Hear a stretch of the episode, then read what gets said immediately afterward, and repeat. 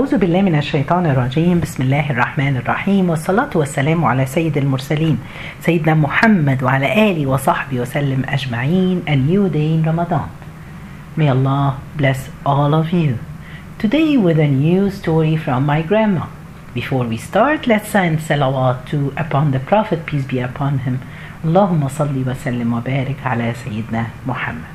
Today's story, my grandma one day she asked me a question. She told me, "Do you know what does it mean a treasure?"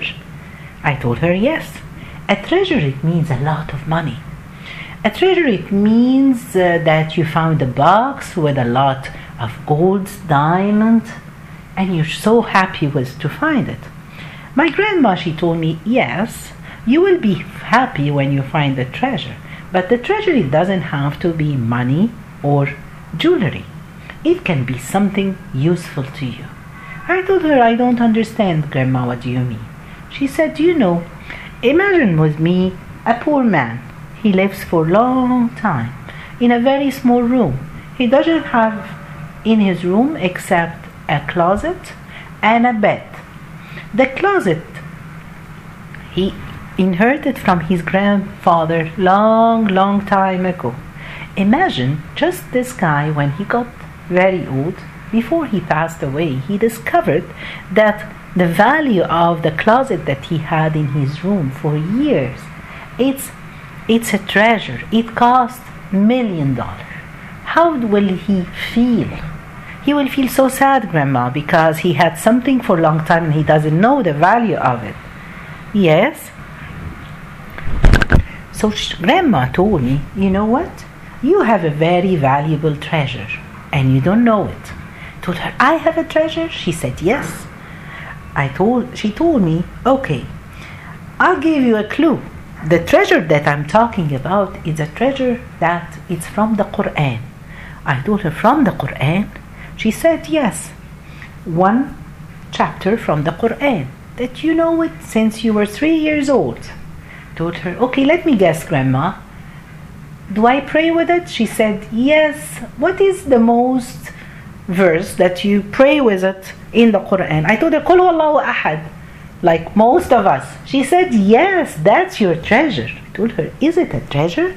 She said, Yes. I will tell you what does it mean a treasure.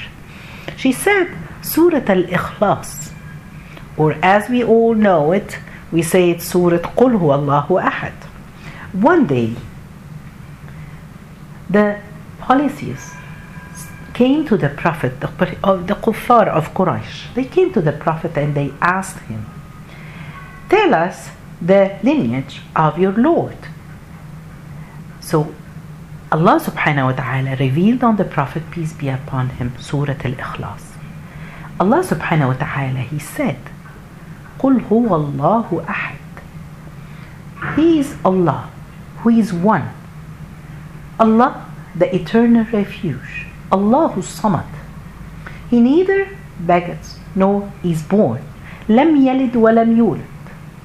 Nor is there to him any equivalent. ولم يكن له كفوا أحد. I just want to correct something here. We a lot of us we do a mistake and say kufuwan, No, kufuwan, with a dhamma on the waw. So she said, This is why it was revealed. Subhanallah. Why grandma is it a treasure? She said, Listen, let's take and understand the meaning of each verse from this chapter.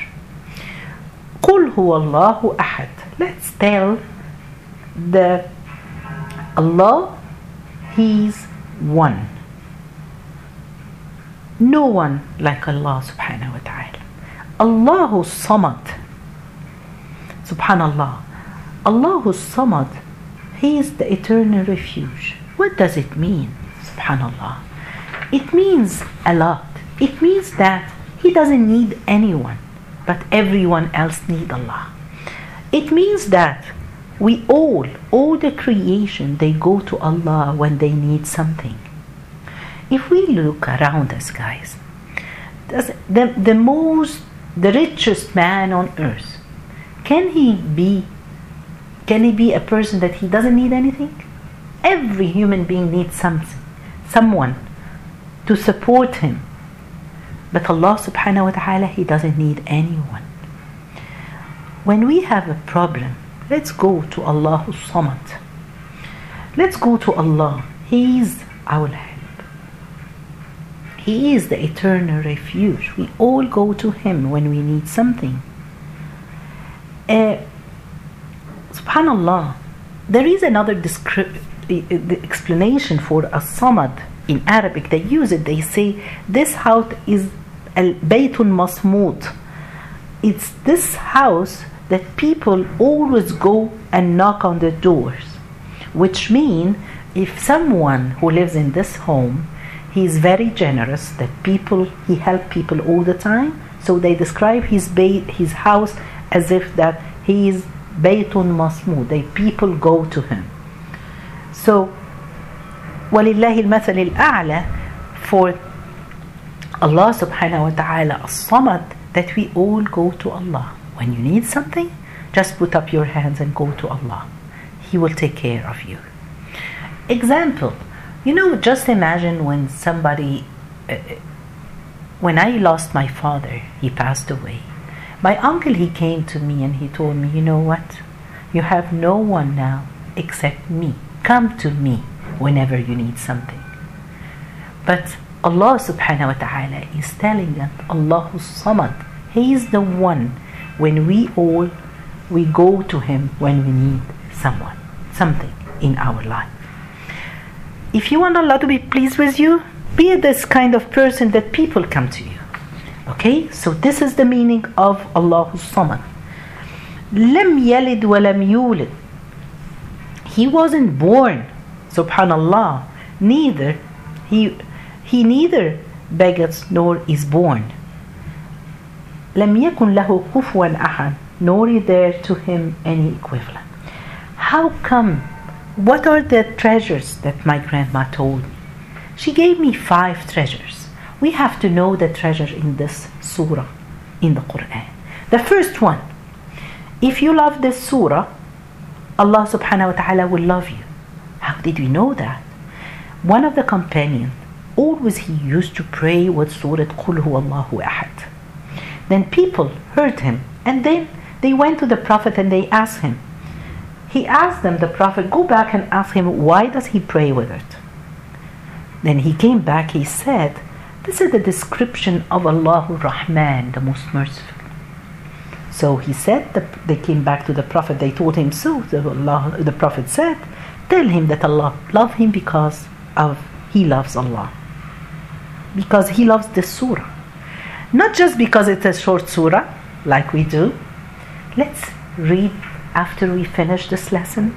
Read this surah from inside your heart. Try to understand the meaning. When you pray, you pray feeling that you are talking about Allah, the most merciful, the description of Allah. Another treasure, the second treasure, that Surah Al Ikhlas, it will let you go to paradise.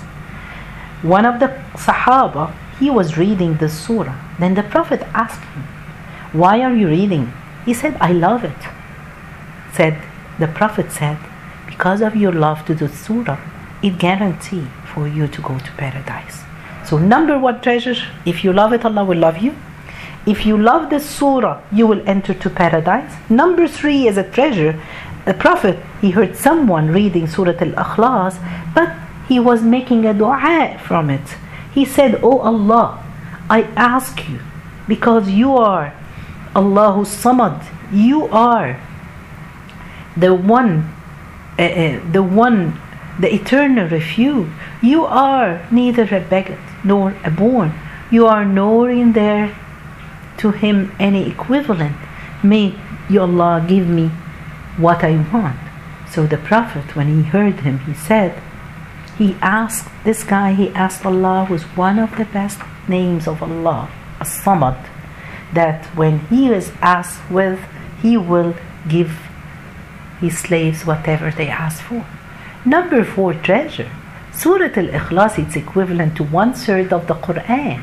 That's what the Prophet said. One day the Prophet gathered all the companions. He told them, I'll tell you today I'm going to read to you one third of the Quran. And then he recited Surah Al Ikhlas. And then he repeated. So people asked him, if you repeat it three times, it means we finished the whole Quran? Yes, yes. But the reward of it, you will get the reward. It's so easy. In, in two minutes, in one minute, if we read it three times, we it will guarantee that we finish, we will get the reward. But be careful. Don't misunderstand what the Prophet said. It doesn't, but still, you will get the rewards of as if you finish the whole Quran, but you still have to read the whole Quran. This is not uh, uh, equivalent to this. Yes, the reward may be, but you have to. For the example, when the Prophet said, if you pray in the Haram in Mecca, in the Kaaba, it's equivalent. You get the reward of a hundred thousand if every Salah, the reward of it. But doesn't mean that you don't. You will say, okay, I prayed whatever equivalent to hundred thousand, so I don't have to pray that much. No, just the reward, which is a great thing. So let's pray. And the third treasure is if you read the Surah Al Ikhlas ten times, Allah will build a house for you in paradise. Subhanallah. Who doesn't want all these treasures? Yes, she was right, my grandma. Those five treasures, you guarantee paradise. You guarantee the love of the of Prophet. You guarantee if you read it ten times a house in paradise. If you read it three, if you read three times, it's equivalent to one third of the Quran. If you make the dua with the name of Allah subhanahu wa ta'ala, Allahu Samad, Allah will accept it from you. May Allah subhanahu wa ta'ala bless all of you and give us this treasure. جزاكم الله خير سبحانك اللهم بحمدك أشهد أن لا إله إلا أنت أستغفرك وأتوب إليك